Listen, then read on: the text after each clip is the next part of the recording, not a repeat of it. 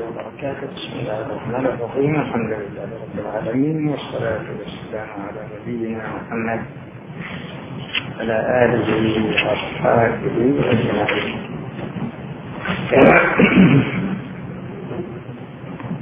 فيه فصل تجاوزته أنا سهو ونبهني واحد من الأخوان في الدرس الماضي النبي هذا في صفحة 44 لا أدري كان معكم ولا آه، يقول رحمه الله فصل فيما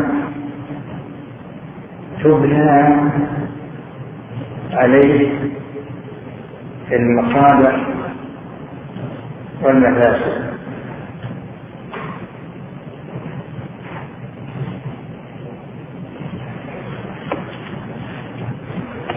المقصود من هذا الفصل هو أن الشخص عندما يزاول عملا مشروعا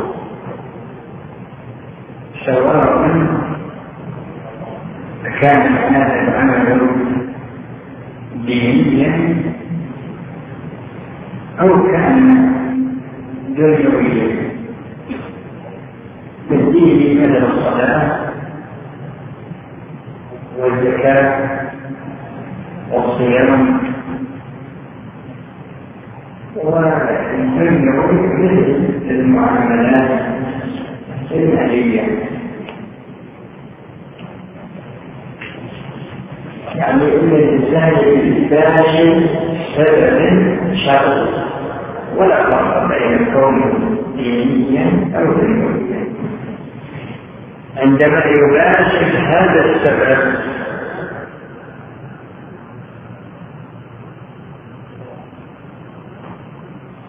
يقع في قلبه معنى وهذا المعنى هو عبارة عن الشيء الذي سيترتب على هذا الأمر. يعني فائدة أو نتيجة أو المعنى أو نحو هذا المعنى الذي يقع في قلبه. تارة يكون علما تارة يكون اعتقادا وتارة يكون ظنا وتارة يكون شكا وتارة يكون ظنا هذه مراحل الخمس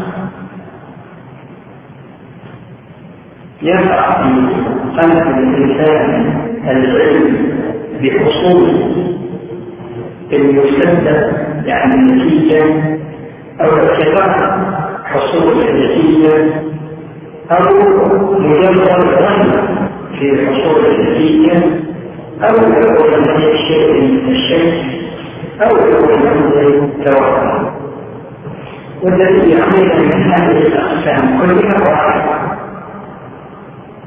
الذي يعنينا هذه الأقسام هو وهو الظن ومعنى ذلك أن التصرفات المنعة باعتبار ما يجب من الناس الدنيوية وأخروية هذه النتائج عظيم لماذا؟ لأن الذي يؤثر المسببات على الأسباب من جهة حصولها أو من جهة عدم حصولها الذي يرتكب هذه المسببات على أسبابها هو الله جل فالإنسان يكمل السبب على ظن أن الله سبحانه وتعالى يجازيه على هذا العمل أو لأن النتيجة التي يريدها هذا الشخص من النتائج الدنيوية مثل المعاملات المالية. المعاملات المالية يأخذ الإنسان ويبيع ويشتري على ظن أن الله سبحانه وتعالى سيرزقه.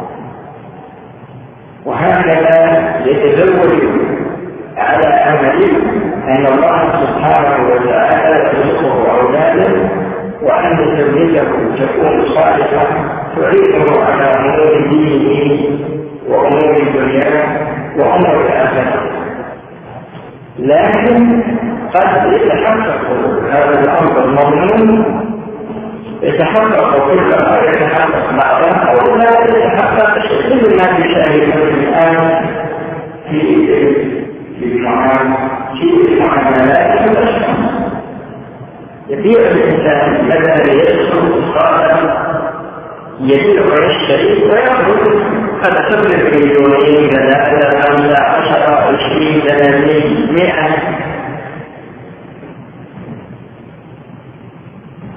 وقد يفعل لكن ملازم على ظهر الجمع سواء فالشيخ رحمه الله يقول إن مصالح أن أن ما كنا يعني أن الإنسان يدخل في فعل الأسباب على ظن أنه سيحصل على نتائج طيبه هذا هو المقصود من هذا الفصل. ثم قال رحمه الله من المصالح والمفاسد ما تبنى على العرفان يعني قصد التجاوز.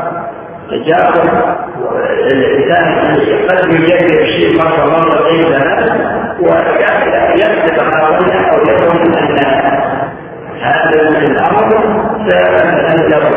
مثل ما تشوفون كثير من الناس يتخصص في نوع من السلع لانها لا تخلق الشروط يخرج منها الرزق والكثير وهكذا ومنها ما تبنى على الاعتقاد في خمس اعراف يعني يعني قصد من بعض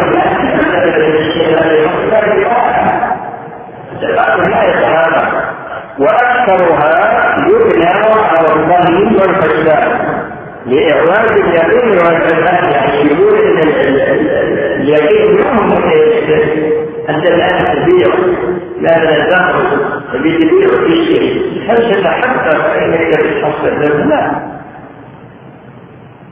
لإعراض اليقين وأقلها تنفيذ على الشكوك والأوهام يعني يكون في بعض لا يحدث منه هذا مبني على الشك أو على إذا كان مبني على الظلم مو دافع الانسان واذا كان مبني على الشك فهو دافع الانسان هو دافع الا اذا بلغ على ظن ان هذا الذي سيعمله سيولد له سبيل الطيبه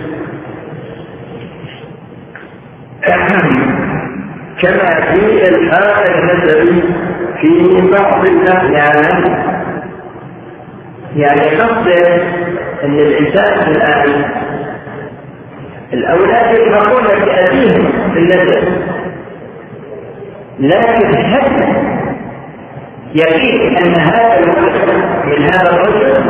ان تكون قصه بسيطه في الموضوع هذا شيء امراه كانت حاملا خرجت الشارع وبعض الراعي في شيء من غرض والدليل مستشفى.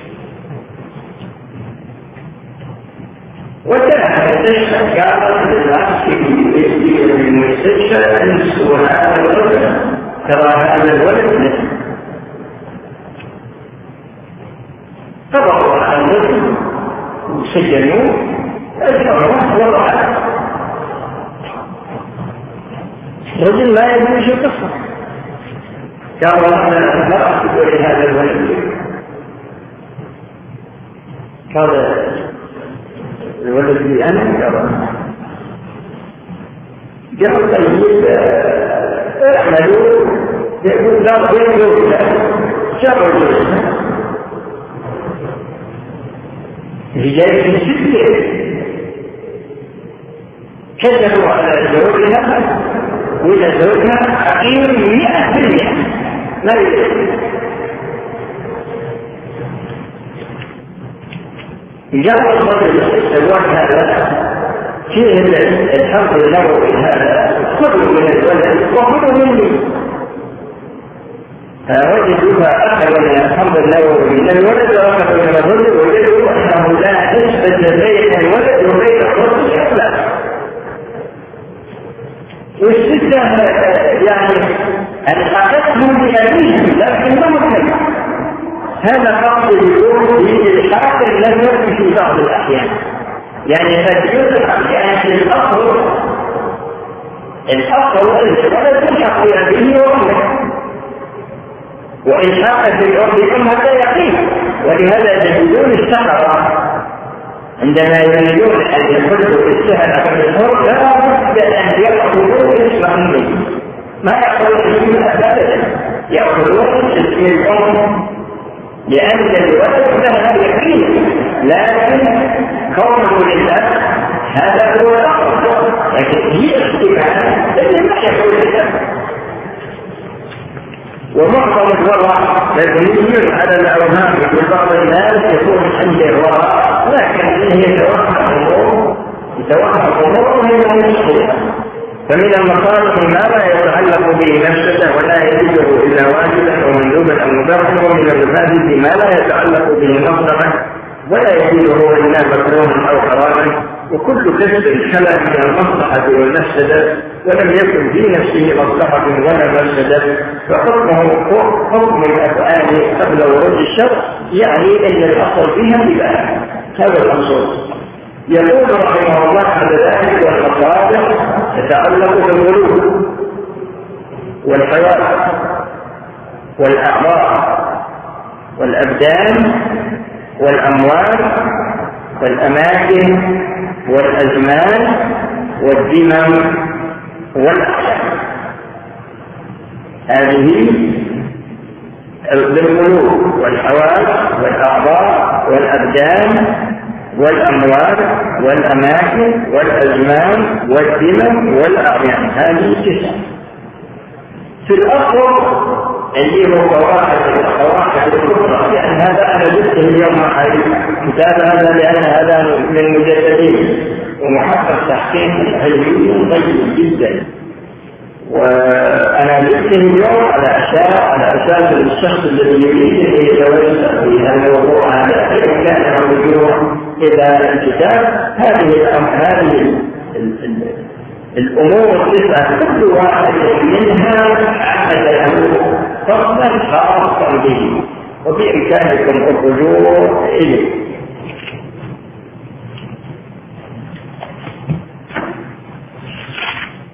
بعد هذا في موضوع آخر. يقول رحمه الله فصل في بيان الحقوق. في بيان الحقوق. يقول رحمه الله الحقوق أربعة. حق الله تعالى على العباد يعني هذا حق خالص لله على عباده. عندنا مثلا التوحيد والذكر التوحيد والذكر والكفر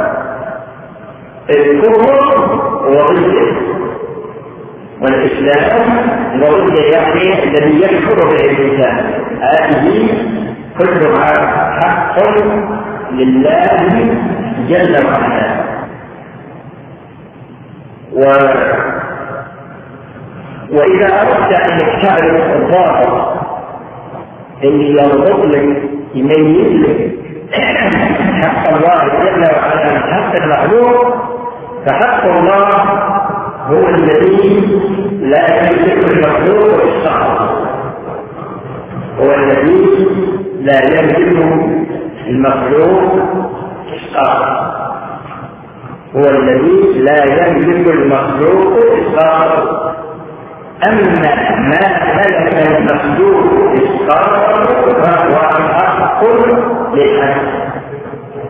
فهو حق لله فحق الله هو الذي لا يملك المخلوق اسقاطه يعني ممكن مثلا حاكم من الحكام حكم السلطه ممكن يلغي الصلاة ولا يلغي فرض من فروض الصلاة ولا يلغي ركعه من ركعات فرض من الفروض أو يستفاد منه أو يأخر أو مثلا يمنع الناس من الصيام لأن الصيام يقولون يؤثر الناحية الاقتصادية لأن في فاعل في الحكام في العالم هذا في الشرع الأمين أكثر رمضان وأكثر صلاة الجمعة لأن صلاة الجمعة فإنها تأخذ وقت كثير وراعى أسعارها من أجل الناحية الاقتصادية للتحكيم الحال على قوته وكذلك الصيام عن الناس علشان يصير عندهم نشاطا في الأداء الاقتصادي وما إلى ذلك هذا حق لله ما في أحد يملك إسقاط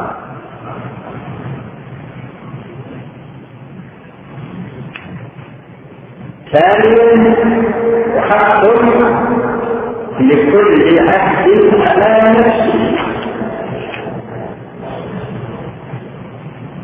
أن في حق لك أن بينك وبين نفسك هذا الحق الذي بينك وبين نفسك هذا لك الخيار فيه من ناحية المؤمن فيه أو مثلا فرق المؤمن أو حتى خاص به أن ما يتعدى إلى أحد.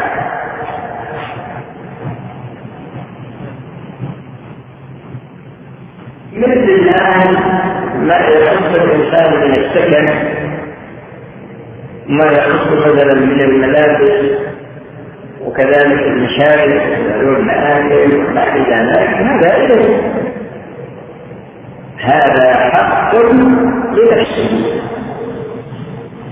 و والثالث يقول رحمه الله وحق لبعض العباد ولا بعض يعني العلاقات اللي بينك وبين الناس حقك على أبيك وحق أبيك عليك حقك على زوجتك وحق زوجتك عليك. وهكذا حقك على جارك وحق جارك عليك. وهكذا الناس يعطي الحقوق الاجتماعية التي بينك وبين الناس حقوق اجتماعية فيما بينك وبين الناس هذا هو الرابع الثاني الرابع يقول وحق للبهائم على العباد. البهائم يعني الإنسان يكون يملك بهائم. إبل بقر غنم يملكها. لكن لا حقوق عليه. ناحية مثلا الإحسان إليها سواء من ناحية المأكل أو المشرب أو المبيت أو نحو ذلك. فالمقصود أنها ويقول رحمه الله وهي مقدمة إلى فرض عين وفرض كفاية وسنة عين وسنة كفاية.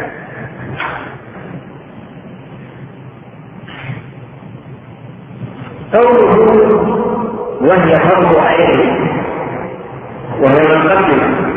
هذا إلى وهي مقدمة إلى فرض عين وفرض كفاية هذا يرجع إلى الأقسام الأربعة. يعني كل قسم من الأقسام الأربعة في فرض عين وفي فرض كفاية فحق الله في فرض عين وفي فرض كفاية وحقك على نفسك هذا في فرض عين وفي فرض كفاية وحق بعض الناس على بعض فيه فرض عين وفرض كفاية وحق الزكاة أيضا على الزكاة فيه فرض عين وفرض كفاية. ثم قال رحمه الله وسنة عين وسنة كفاية.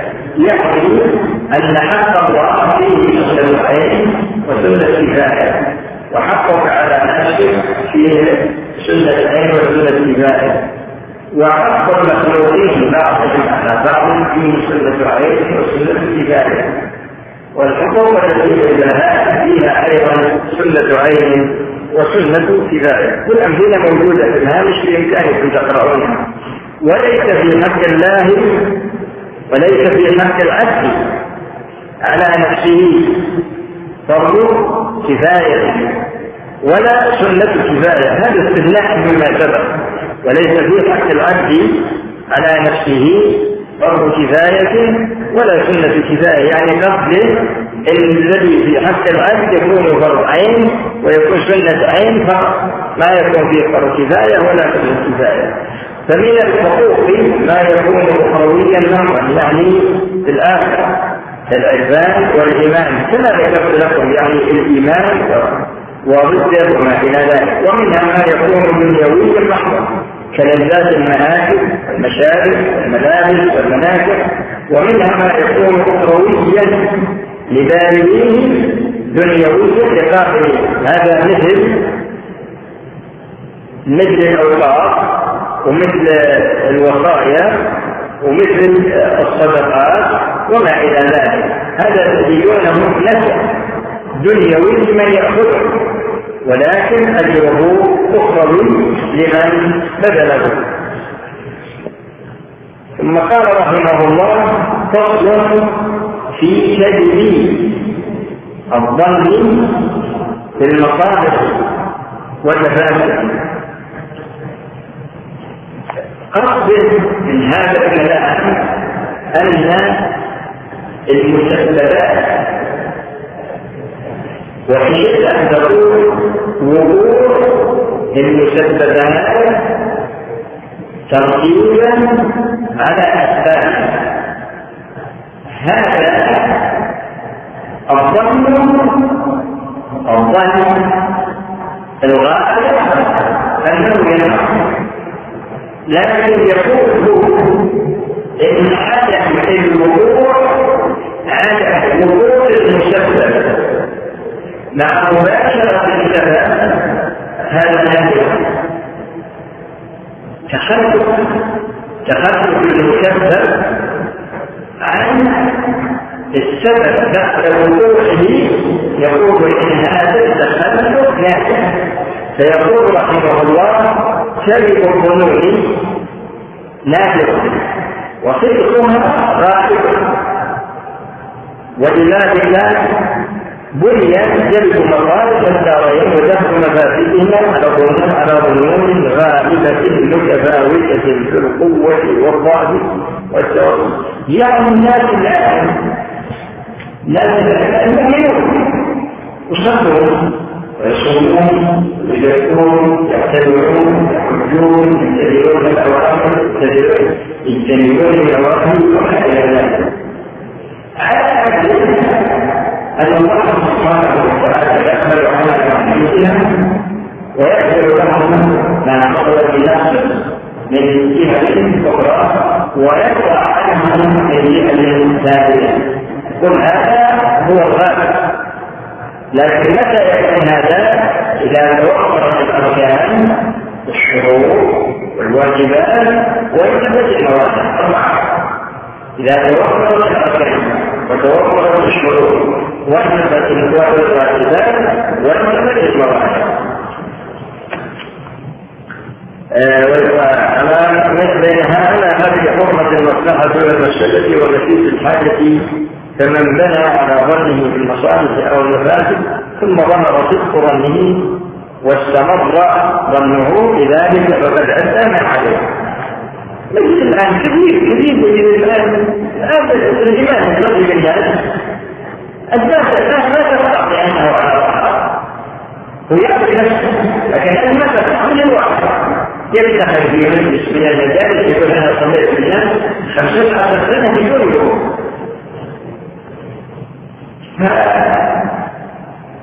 لكن أنت باعتبار ظنك أنت يكفي.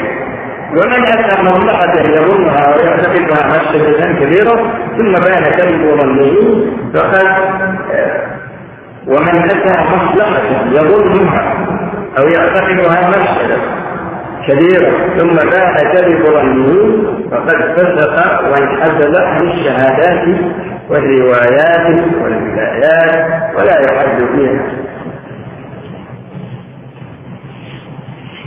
ومن أتى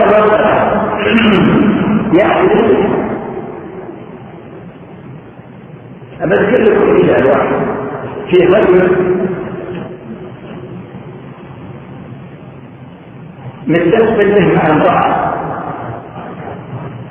ويروح لها إذا صلى الله ويروح لها في مكان خاص ويأكل معها أكل يقول الزوج أنا عندي ضيف صلى العشاء الليل ويأكل الزوج ويأكل هو المرأة هذه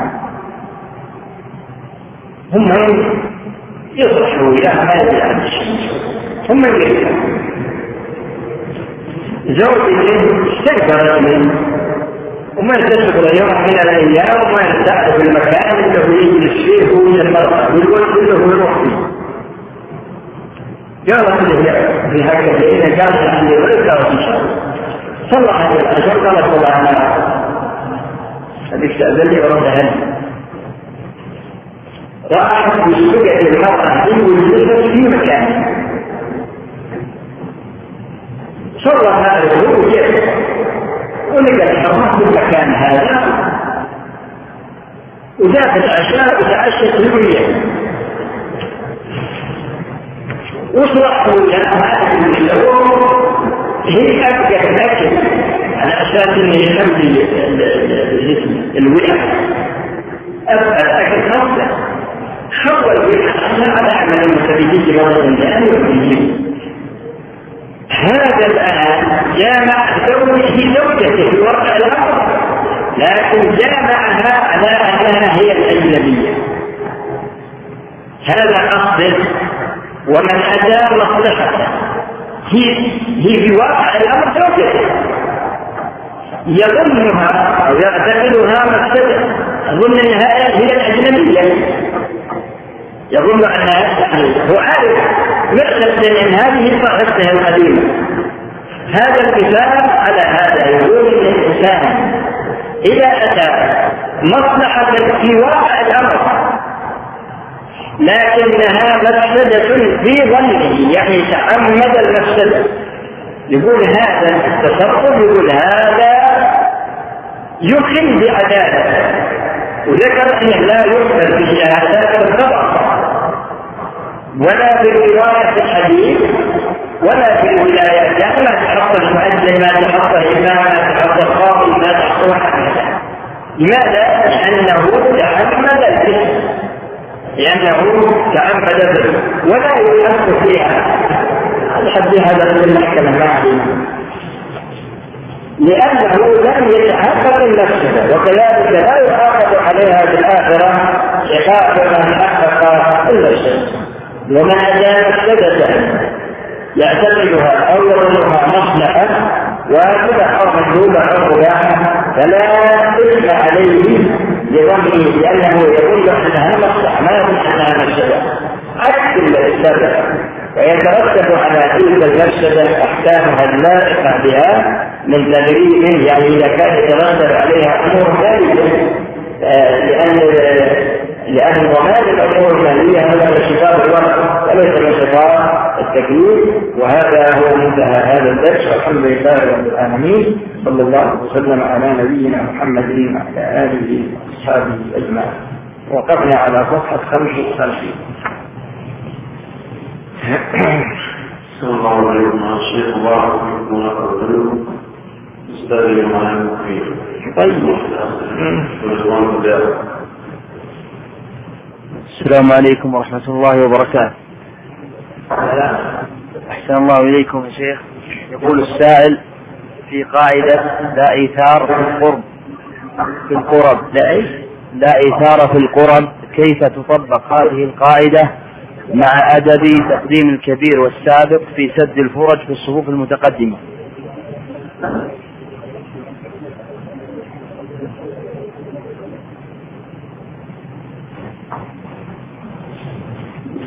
صياغة التي ذكرتها كذا صياغة القاعدة الإيثار بالقول المكروه هذا هذا نص الإيثار بالقول المكروه لكن هذا ليس على إطلاقه لماذا؟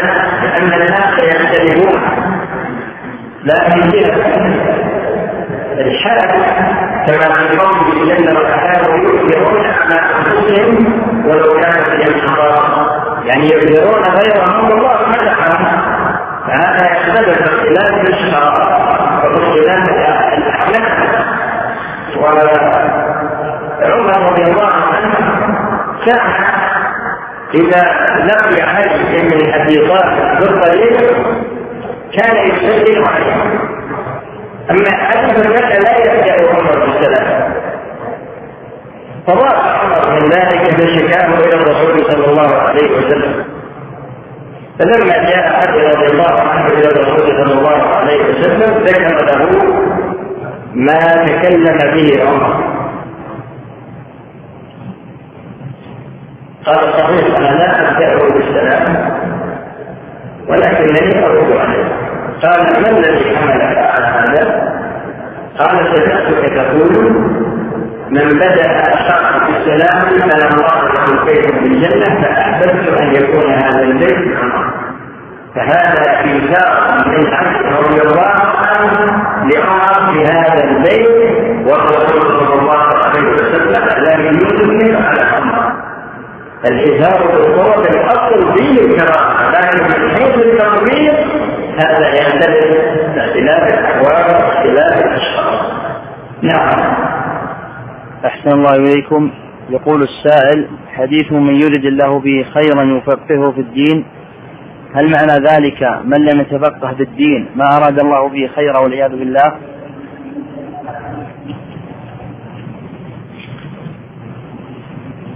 الجبر في نظرية الشريعة وهي نظرية التفاضل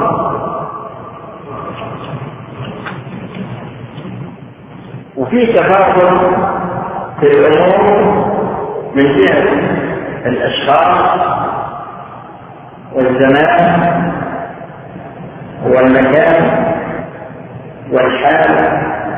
والفعل إلى غير ذلك وقد ذكر القرار في الفروق ذكر فرقا في التفاؤل ذكر فيه تسعين فرقا وفيه رسالة في التفاؤل في باب العبادات فقط. فنظرية التفاؤل هذه موجودة فقوله صلى الله عليه وسلم من يريد الله به خيرا يفقهه في الدين هذا ليس له مفهوم مخالفه بمعنى أنك لا تقول إن الذي لم يفقه في الدين هذا لا خير فيه. الرسول صلى الله عليه وسلم كان جالسا في المسجد. فدخل رجل وقال ما لا رجل فقال لا تقولون في هذا. قالوا هذا ان سقط زوج وإن سال باطل وإن شفع شفع ثم نظر سال عن حالة حقوق من ناحية اللباس ومن ناحية اللسان فقال لا تقولون في هذا. قالوا هذا ان سقط لم يزوج وإن شفع لم يشفع وإن سال لم يعطى قال هذا خير من ملك الأرض من ذلك وأنا ذكرت فيما سبق وصيه الرسول صلى الله عليه وسلم لعمر حينما قال له ياتيكم وفد من أهل اليمن. له واهية هو بها باطل لو أحسن على الله لأقره فإن استطعت أن يستغفر لك فافعل. هذا عمر كان الخلفاء ويقول في وصف الرسول صلى الله عليه وسلم أزلت في أهل الأرض فرجعت ووزن أبو بكر بأهل الأرض درجة ووزن عمر بأهل الأرض درجة والمقصود أنه وزن بإيمانهم وأعمالهم. وزن بإيمانهم وأعمالهم. قال لأهل الأرض. ما كان مثلا اثنين ولا ثلاثة ومع ذلك يقول له فإن استطعت أن يستغفر لك فلما جاء وقت اليمن. سأل قال هل معكم قويس القرن قال فدعا فقص عليه ما قال الرسول صلى الله عليه وسلم. فقال الرسول صلى الله عليه وسلم قال قال يعني قال لك أنك تطلب مني أن تستغفر لك؟ قال نعم تستغفر له. فالمسائل هذه ما هي في لا الناس يكون علم حجة عليه ما يكون ما يكون حجة لله يكون حجة عليه. الله سبحانه وتعالى يختار. كما قال جل وعلا وربك يخلق ما يشاء ويختار. لكن مسألة كون إن نفهم مفهوم هذا بني آدم ونقول كل شخص لم في الدين فلا خير فيه هذا ليس بصحيح. يعني أحسن الله إليكم. يقول السائل تعلمون حفظكم الله ما وصل به الناس من انشغالهم في قضية الأسهم والمضاربة بها وقد اختلط وقد اختلطت كثير من الأمور على الناس في هذه الأسهم ألا ترون من قاعدة درء المفسدة وجلب المصلحة أن يضارب ألا يضارب الناس في هذه الأسهم لاشتباه الأمور؟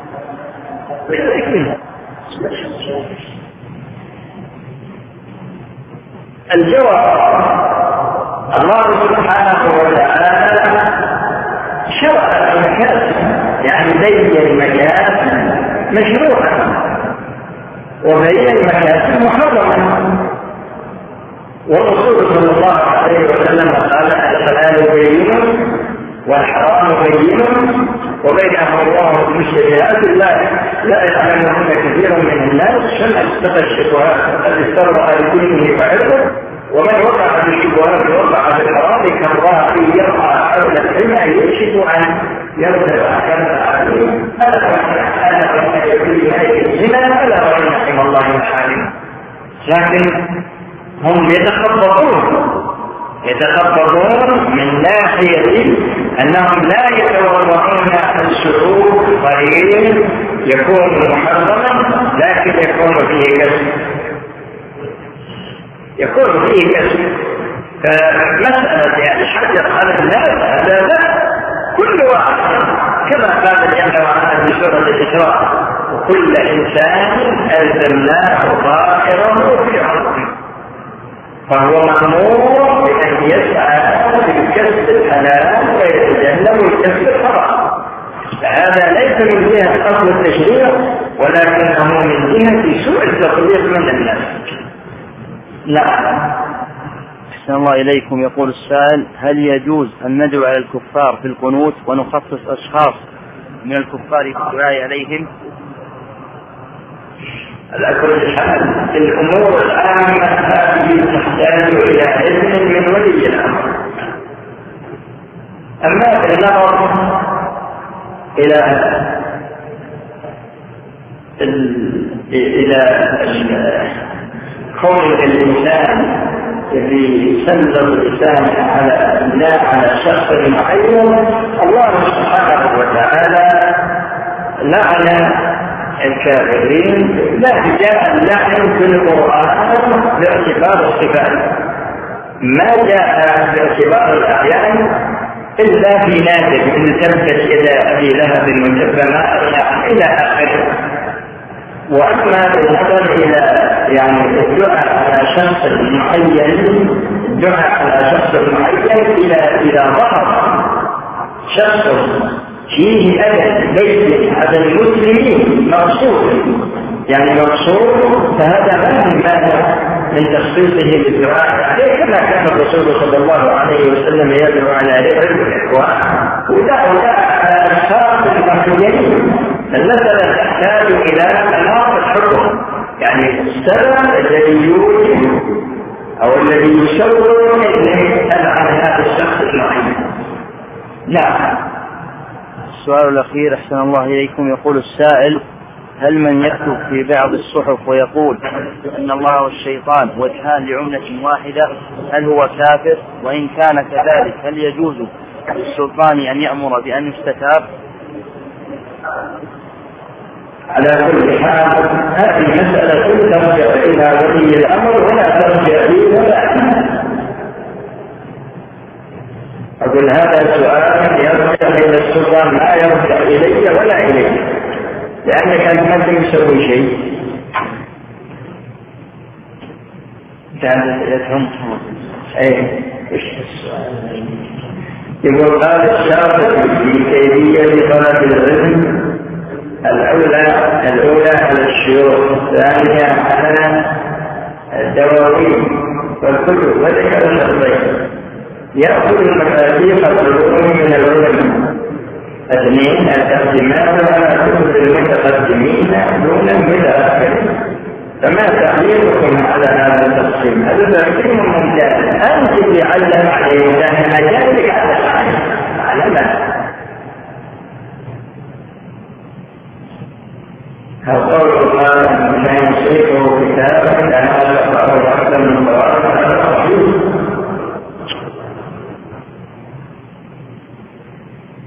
الإمام الشافعي رحمه الله يقول أعطي الشيء كل يعطي الآخر الله تعالى يقول وفوق كل علم عليم فيقول وما أوتيتم من العلم إلا قليلا. لكن مشكلة أن يحمل هذا الشيء من العلم نحن نسأل الله هذا الكريم ما بتأمل أن القراءات الإحياء أحفظ القرآن. وافهمه وتقرأ يشملها ما يكون في القرآن واقرأ منه الحقائق الجنة وما إلى ذلك من أن تتوسع في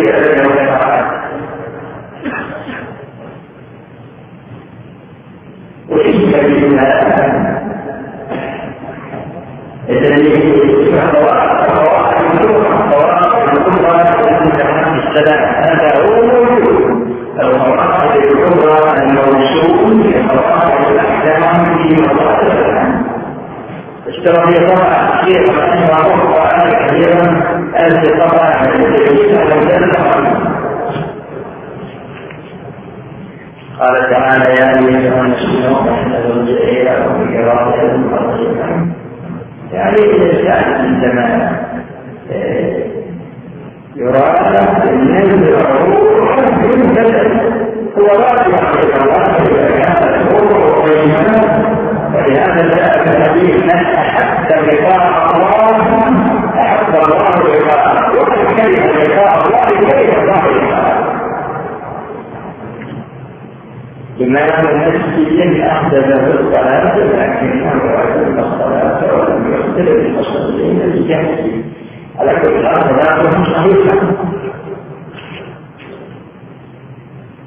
كان المفروض أنه إذا الله يجعل أحكام الصلاة ما يصير إمام من الأصل. مثل واحد في جهة من الجهات صار لديه نزل مطر خفيف من المغرب ومالك يصلي يوم المغرب وبين المغرب والعشاء. ويكثر صلاة المغرب يصليها ركعتين ويصلي صلاة العشاء ركعتين لذلك إذا كان ما يحمل الخروج من الأخطاء في الصلاة لا يستطيع الإمام الذي يتحمل إذن المأمومين هذا لو يقول على يمكن يمكن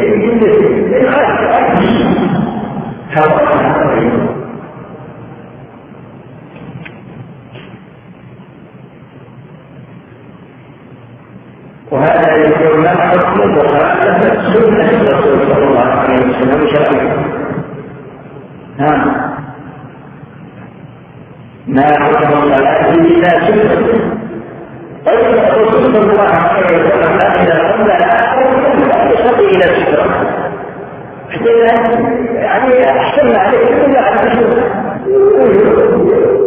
يعني اسأل عن ترك الصلاة اسأل عن ترك الصيام اسأل عن ترك الحج وما إلى ذلك مفهوم الإنسان يسأل عن السنة مو تكون السنة ثابتة يسأل عن مخالفتها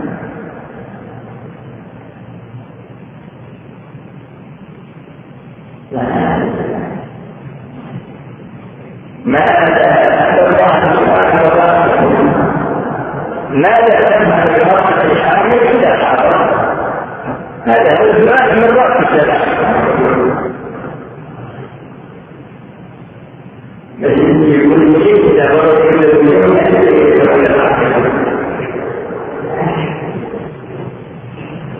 أمين يا أخي الواحد إذا أراد الشغل السؤال يكون حكيم في وقت السؤال السلام عليكم ورحمة الله وبركاته.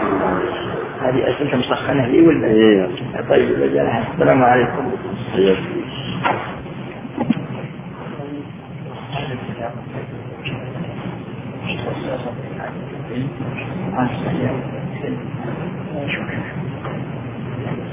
السلام.